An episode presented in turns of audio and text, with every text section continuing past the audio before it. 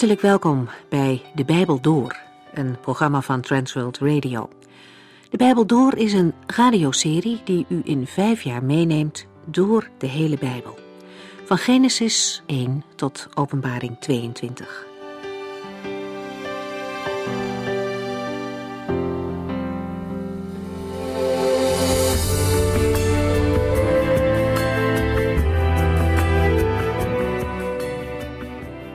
We zijn in deze serie bezig met de psalmen. Sommige lofpsalmen leggen de nadruk op de reden, andere roepen vooral op om de Here te loven en te prijzen. Psalm 29 geeft, net als andere natuurpsalmen, een reden om eer aan God te geven. Deze psalm wordt ook wel de psalm van zeven donderslagen genoemd. In de lofzang wordt de majesteit van de Heere geschetst, zoals we die ook zien in het onweer. Dat wordt beschreven als de stem van de Heere. Zeven keer komt de uitdrukking de stem van de Heere voor in dit lied. Ook op andere plaatsen in de Bijbel lezen we over de verschijning van de Heere in onweer. Het maakt duidelijk dat ook de sterke natuurkrachten onderworpen zijn aan de macht van de Heere God. Psalm 29 laat zien dat deze machtige God wel ontzag moet inboezemen. En tegelijkertijd is deze majestueuze Heere een God die zich het lot van zijn volk aantrekt. In openbaring komen opnieuw zeven donderslagen voor, die de opmaat vormen voor het krachtdadig optreden van de Heere. Psalm 30 hoort dan weer in een ander genre thuis, individuele dankpsalmen, is geschreven door David. Het is een lied dat voor de inwijding van het huis werd gemaakt. Met dat huis kan de tabernakel bedoeld zijn. Zo is het in de Joodse traditie ook uitgelegd. Maar het zou ook om een gewoon huis of om het paleis van David kunnen gaan. Het slot van de psalm looft de Heere opnieuw vanwege de verlossing. Maar er zit ook een waarschuwing in besloten. Een leven in voorspoed kan iemand zo onbezorgd maken dat hij vergeet om in afhankelijkheid van de Heere God te leven. En dat gevaar is ook in ons leven aanwezig. We lezen vandaag verder in Psalm 31.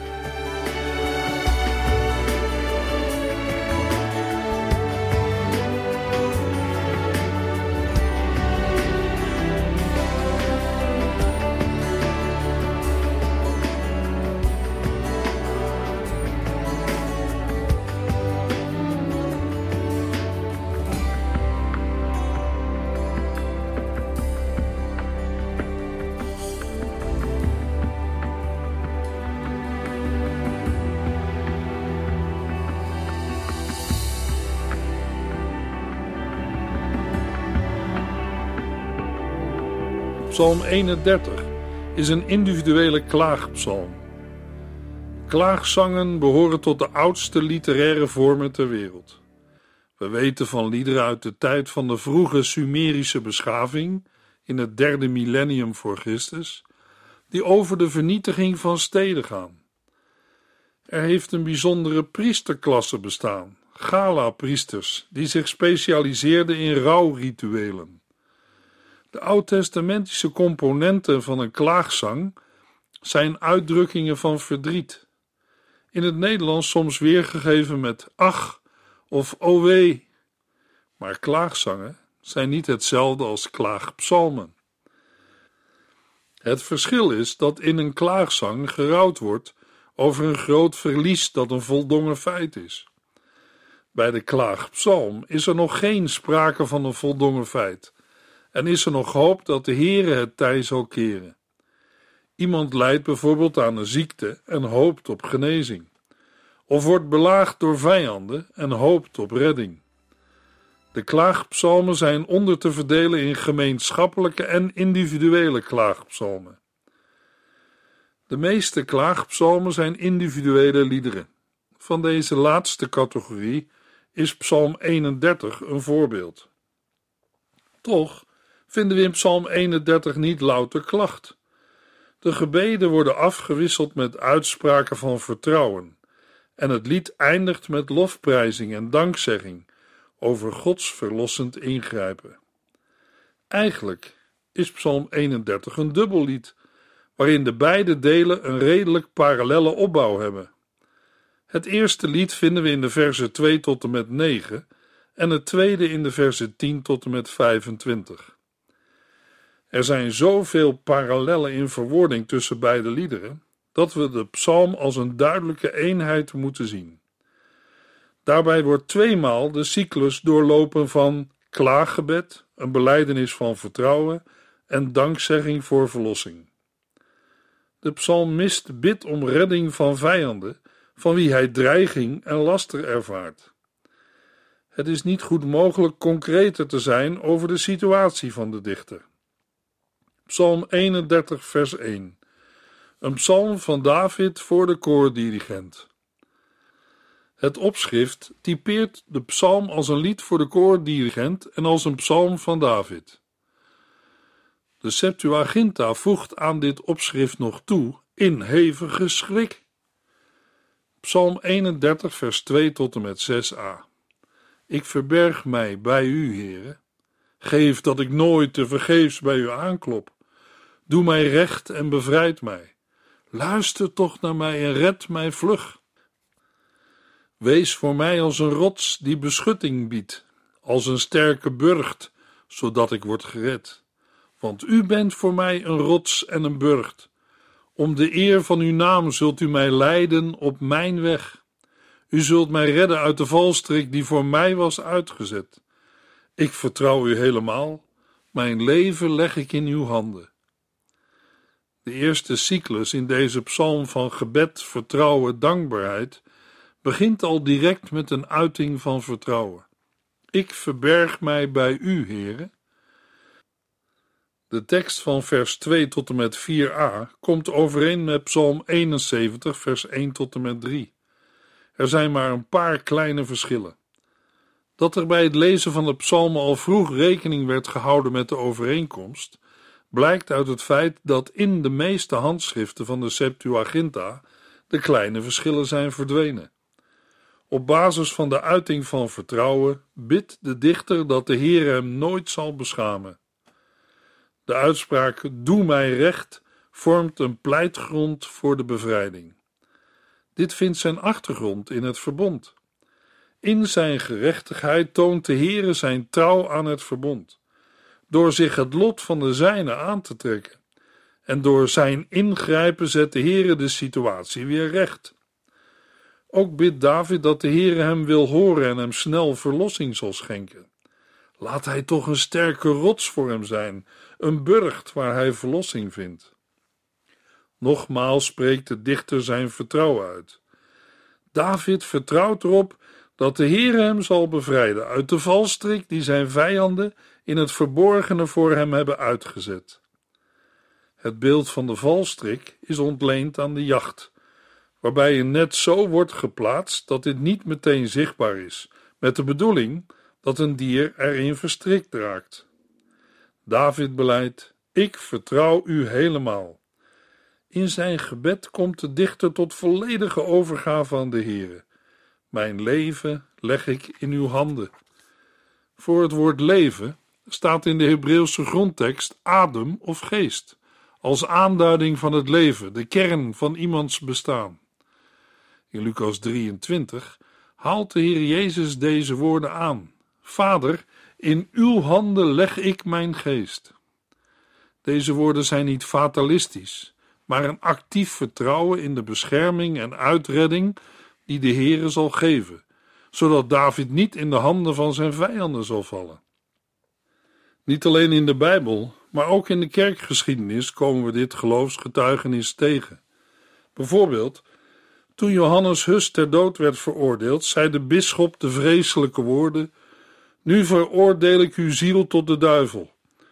Johannes Hus antwoordde kalm: Ik beveel of leg mijn geest in uw handen, Heer Jezus, bij u, die zij hebben verworpen.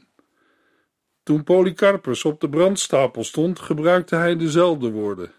Luther, Melanchthon en andere hervormers hebben deze woorden ook gebruikt. Luther zei: Gezegend zijn zij die niet alleen als martelaars voor de Heere sterven, maar ook met de Heere als gelovigen, door in deze woorden verder te leven. In uw handen beveel of leg ik mijn geest. Psalm 31, vers 6b tot en met 9. Want u zult mij zeker bevrijden, Heere, mijn trouwe God. Ik haat mensen die waarde hechten aan onbelangrijke en ijdele dingen. Zelf vertrouw ik alleen op de Heere. Ik zing het uit en verblijd mij over uw goedheid en liefde. Want u hebt naar mij omgezien in mijn ellendige toestand. U kende mij angst en spanningen. U zorgde ervoor dat de vijand mij niet de baas werd. U hebt mij alle ruimte gegeven. Ik kon gaan waar ik wilde. Dan neemt het lied in de tweede helft van vers 6 een wending en spreekt David over zijn verlossing als een gebeurtenis die al heeft plaatsgevonden. In de vertaling van het boek is het weergegeven als een belijdenis, een uiting van vertrouwen.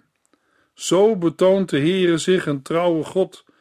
Door verlossing te schenken, handelt hij in overeenstemming met wie hij is: een schuilplaats, rots en burcht.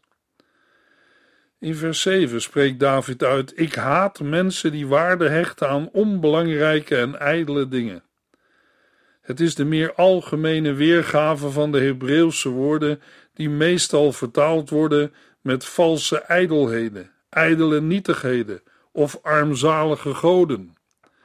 David spreekt uit dat hij niet vasthoudt aan afgoden en andere ijdele dingen. Nadrukkelijk spreekt hij uit dat hij zelf op God vertrouwt. Hij zingt het uit en is blij over de verbondstrouw van de Heere, want de Heere heeft naar hem omgezien. God zag de ellende waarin David verkeerde. Hij kende de moeite van Davids leven, zijn angst en spanningen. Maar de Heere zorgde ervoor dat de vijand David niet de baas werd. God gaf David alle ruimte en daardoor kon hij gaan waar hij wilde. Lazen het ook al in Psalm 4, vers 2. Toen ik in de knel zat, hebt u mij ruimte gegeven. En in Psalm 18, vers 20. Hij leidde mij uit de ellende en gaf mij de ruimte. Ook in Psalm 118, vers 5 en 6 lezen we dezelfde beleidenis met andere woorden. Toen ik het heel erg moeilijk had, heb ik de Heere aangeroepen. Hij heeft mij antwoord gegeven en mij bevrijd. Ik kon het allemaal weer aan. De Heer is dicht bij mij. Ik ben nergens meer bang voor. Want wat kan een mens mij nu nog aandoen? Luisteraar, het mogen woorden zijn die ook ons vandaag mogen bemoedigen. Aan de andere kant kan ik me ook voorstellen dat het een verzuchting kan oproepen bij mensen die het heel erg moeilijk hebben. Toch weet David uit ondervinding waar hij over spreekt.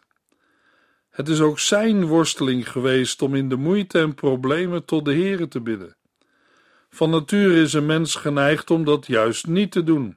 Het helpt toch niet. Of wat heeft het nog voor zin? Het getuigenis van David in Psalm 118 is anders. Toen ik het heel erg moeilijk had, heb ik de Heere aangeroepen hij heeft mij antwoord gegeven en mij bevrijd. Ik kon het allemaal weer aan. Ook in Psalm 31 blijkt dat David het moeilijk heeft gehad en moest volharden in gebed. We zien in Psalm 31 dat verderop in de psalm klacht en gebed om uitredding nog nadrukkelijk terugkeren. Daaruit blijkt dat de verlossing nog in de toekomst ligt. Het dankgebed in de verse die we net lazen grijpt daarop vooruit. Daarmee functioneert het dankgebed in de versen 6 tot en met 9 als de sterkst mogelijke uitdrukking van vertrouwen. Dat de verlossing zal komen is zo zeker dat een dankgebed al op zijn plaats is, zelfs als de verlossing nog moet komen. Luisteraar, er ligt een grote troost in de wetenschap dat de Heere u in uw ellende ziet in Exodus 3, vers 7 en 8 hebben we gelezen wat de Heere tegen Mozes zei toen hij het volk Israël uit Egypte wilde leiden. Ik heb de ellende van mijn volk in Egypte gezien en ik heb de jammerklachten over hun onderdrukking gehoord. Ik ben gekomen om hen uit de handen van de Egyptenaren te redden. Ik zal hen vanuit Egypte naar een ander, een goed land brengen. Dat zal een groot land zijn, een land dat overvloeit van melk en honing. De Heere trok toen uit om Israël te bevrijden. De evangelie in het Nieuwe Testament vertellen over de geschiedenis van de leerlingen van Jezus, die in een boot op het meer van Galilea voeren en door een storm werden getroffen. Het was donker en hoge golven bestormden het bootje waarin ze zaten en de Heer Jezus was er niet bij. In Marcus 6, vers 48 lezen we: Jezus zag hoe zij tegen de wind in moesten roeien. Toen gebeurde zijn wonder. Jezus liep over het water en kwam in de boot bij zijn bange volgelingen. Eén woord van hem was genoeg. De wind ging liggen en alles werd rustig. De Heer Jezus ziet ook vandaag zijn bange leerlingen en houdt van hen. Hij gaf zelfs zijn leven voor hen aan het kruis. Ja, maar als een mens in een storm zit en alles dreigt in te storten of omver te worden geblazen, wat kan een mens dan nog doen? David verwoordt het in Psalm 31, vers 10 tot en met 14. Hij bidt: Help mij met uw genade, heren. Ik heb het zo moeilijk. Alles in mij kwijnt weg van narigheid. Het verdriet overmand mij. Mijn leven gaat voorbij in verdriet en jarenlang leef ik zuchtend. Door mijn eigen slechtheid heb ik geen kracht meer over en lichamelijk ga ik alleen maar achteruit. Voor hen die het mij moeilijk maken, ben ik een mikpunt van spot geworden, vooral voor al mijn buren. Vrienden en bekenden schrikken als zij mij zien. Wie mij op straat tegenkomt, maakt rechtsomkeert. Men denkt niet meer aan mij. Het lijkt wel of ik dood ben voor anderen. Als gebroken servies ben ik waardeloos. Ik hoor het wel, hoe men achter mijn rug over mij praat. De achterklap, heb je hem gezien? Ze overleggen met elkaar en maken plannen mij van het leven te beroven. De overgang is abrupt. Van de vertrouwensvolle woorden uit de vorige versen naar de klacht en wanhoop die in vers 10 tot en met 14 in alle hevigheid over de lippen van de dichter komt. Wat een tegenstelling met de verlossing waarvoor David de Heer in vertrouwen al heeft gedankt in de vorige verse. Hij smeekt de Heer hem genadig te zijn, nu hij het zo moeilijk heeft. Alles kwijnt weg van narigheid. Zijn leven verdwijnt in zorg, zijn levensjaren in gekreun en achteruitgang. De ellende is ook al eerder aangeduid in vers 8. Omdat verder nergens in Psalm 31 de suggestie wordt gewekt dat de toestand van de dichter is te wijten aan zonde en ook een gebed om vergeving in deze psalm niet voorkomt, gaan we ervan uit dat David diep in de problemen zit, die hij aanduidt met het woord ellende. In zijn ellende roept hij tot de Heere en vraagt: Help mij met uw genade, Heere, ik heb het zo moeilijk. In vers 12 verwoordt de dichter bovendien dat hij het mikpunt van spot is geworden. Zijn vijanden, die verder onbekend blijven, drijven de spot met hem, en vooral zijn buren. Voor zijn bekende is hij een verschrikking, en wie hem ziet, vlucht haastig weg. Men wil kennelijk niets meer met hem te maken hebben. Niemand heeft hij meer over. Hij wordt genegeerd. Als gebroken servies is hij geworden. Zijn leven ligt in scherven. Het beeld van een aardewerken pot die in scherven ligt, zal toen de tijd erg tot de verbeelding hebben gesproken, aangezien veel gebruiksvoorwerpen van aardewerk waren gemaakt en daardoor kwetsbaar. Hetzelfde beeld vinden op enkele plaatsen in Jeremia. Ja, velen spreken kwaad van hem. Hij is omringd door gevaar. Er is geen ontkomen aan. De formulering achter de rug van iemand praten wordt in andere vertalingen weergegeven met naspraak, gemompel, roddel of letterlijk vanuit het Hebreeuws verschrikking van rondom. Het is een vaste uitdrukking die met name bij Jeremia functioneert als uitroep van iemand die zich aan alle kanten door gevaar weet bedreigd. De kwaadsprekers beraadslagen samen en spannen tegen hem samen om hem van het leven te beroven. David ging met zijn problemen en moeilijkheden naar de Heere en legt ze voor God neer in gebed. En wat doen wij, u, jij en ik? Psalm 31, vers 15 en 16a. Toch is mijn vertrouwen op u gevestigd, Heere. Ik spreek het ook tegen u uit. U bent mijn God. U bepaalt hoe lang ik leef. Hoe uitzichtloos de situatie waarin David zich bevindt ook is. Hij blijft bij zijn belijdenis en spreekt nogmaals nadrukkelijk uit dat hij op de Heere blijft vertrouwen en dat de Heere zijn God is. Ook al staan de vijanden hem naar het leven. Niemand anders dan de Heere bepaalt hoe lang David leeft. In andere vertalingen lezen we de bekende uitdrukking: Mijn tijden zijn in uw hand. Iemands tijden zijn de verschillende perioden en fasen van het leven, met tijden van voor- en tegenspoed. Heel het leven, ook het levenseinde, is veilig in Gods hand. Zelfs vijanden kunnen daar niets aan veranderen. Psalm 31, vers 16b tot en met 19. Verlos mij van mijn vijanden en achtervolgers. Laat uw licht over mij, uw dienaar schijnen en bevrijd mij door uw goedheid en trouw. Ik roep tot u, Heere, beschaam mij, mijn vertrouwen niet. Laat hen die zonder uw leven beschaamd staan. Breng hen tot zwijgen in het dodenrijk. Breng de leugenaars tot zwijgen. Die spreken toch alleen maar trots en smalend tegen uw volgeling. Op basis van de belijdenis van vertrouwen bidt David opnieuw om bevrijding uit de hand van zijn vijanden, zijn achtervolgers. Hij vraagt de Heere overeenkomstig de woorden van de zegen van Aaron uit nummer 6. Laat uw licht over uw dienaar schijnen en bevrijd mij door uw goedheid en trouw. In vers 18 herhaalt David de woorden die hij al eerder bad, dat de Heer hem niet beschaamd laat staan. Laten hen die zonder u leven maar beschaamd staan.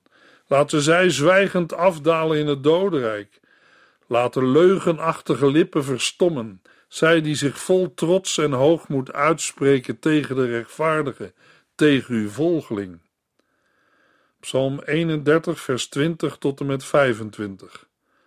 Wat een geweldige rijkdom wacht degene die ontzag voor u hebben, allen die bij u schuilen. Zelfs de ongelovigen zullen het zien. U verbergt de uwen en beschermt hen tegen de aanvallen van de mensen. U neemt hen op in uw huis waar ze veilig zijn voor roddels. Alle eer is voor de Heere, want Hij heeft mij op wonderbaarlijke wijze zijn goedheid en liefde getoond. Vooral toen ik het zo verschrikkelijk moeilijk had. Terwijl ik in mijn angst dacht dat U mij vergeten was, hebt U juist mijn lijden smeekbeden gehoord. U hoorde mij om hulp roepen. Dit zeg ik tegen alle die God volgen. Heb hem van harte lief, want de Heere zorgt voor hen die hem trouw volgen. Maar hij rekent grondig af met de hoogmoedigen. Wees sterk. Laat uw hart maar sterk en moedig zijn en blijf altijd op de Heere hopen.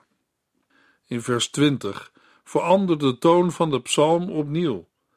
David heft een danklied aan. Van nood is geen sprake meer. Dankbaarheid voor verlossing overheerst. Vooral vers 23 maakt duidelijk dat het in deze verse niet gaat om een vertrouwensvol vooruitgrijpen op een nog toekomstige verlossing, maar dat de dichter in de verse 20 tot en met 25 vanuit de situatie spreekt waarin de verlossing al heeft plaatsgevonden. Hij kijkt terug op zijn nood. Het moment van verlossing zelf moeten we dan denkbeeldig invoegen tussen vers 19 en 20. In het danklied bezingt David de veiligheid die de Heere de zijne biedt. Kernwoord daarbij is het woord beschermen. Het komt neer op veilig opbergen, beschermen tegen gevaar. Wat een geweldige rijkdom is weggelegd voor wie bij de Heere schuilen. Hij verbergt hen in het verborgene van zijn tent om hen te beschermen tegen de aanvallen van de mensen. Hij verstopt hem in zijn huis om hen te beschermen tegen kwaadsprekerij en roddels. In vers 22 kijkt David terug op de redding die hij in zijn persoonlijke situatie heeft ervaren. David prijst de Heere, omdat hij hem zijn verbondsliefde heeft betoond toen hij het zo verschrikkelijk moeilijk had. In zijn angst dacht hij dat de Heer hem was vergeten.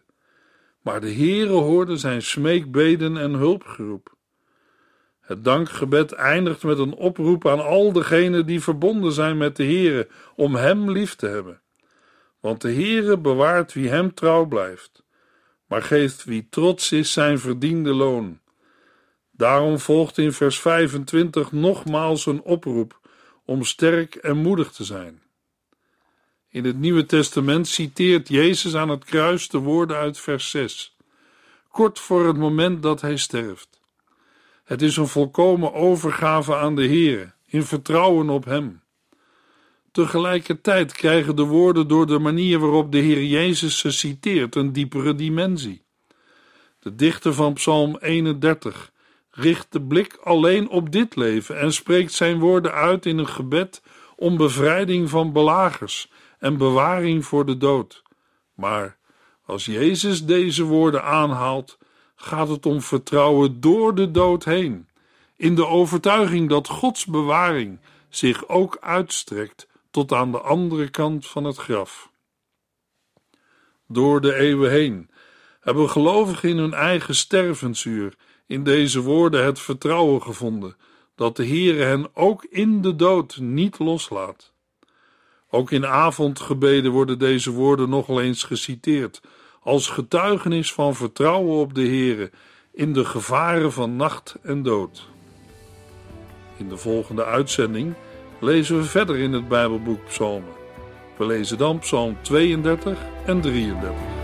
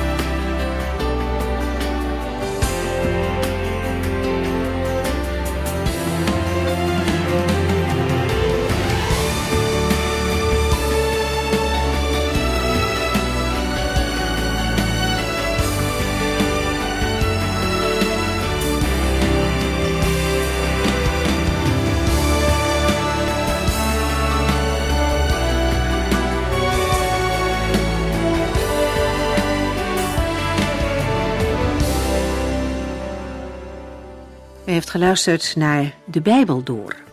In het Nederlands vertaald en bewerkt door Transworld Radio. Een programma waarin we in vijf jaar tijd de hele Bijbel doorgaan. Als u wilt reageren op deze uitzending of u heeft vragen, dan kunt u contact met ons opnemen. Tijdens kantooruren kunt u bellen op 0342 47 8432. 0342 47 8432. 32. Ook kunt u een e-mail sturen naar de Bijbel door transworldradio.nl en natuurlijk kunt u ook via de post ons bereiken. TWR, postbus 371, postcode 3770, AJ in Barneveld. Dit programma werd gepresenteerd door Cor Weda en Ike André. Techniek was in handen van Odin van Woerdekom. En wij allemaal bedanken u voor het luisteren. Graag tot de volgende keer.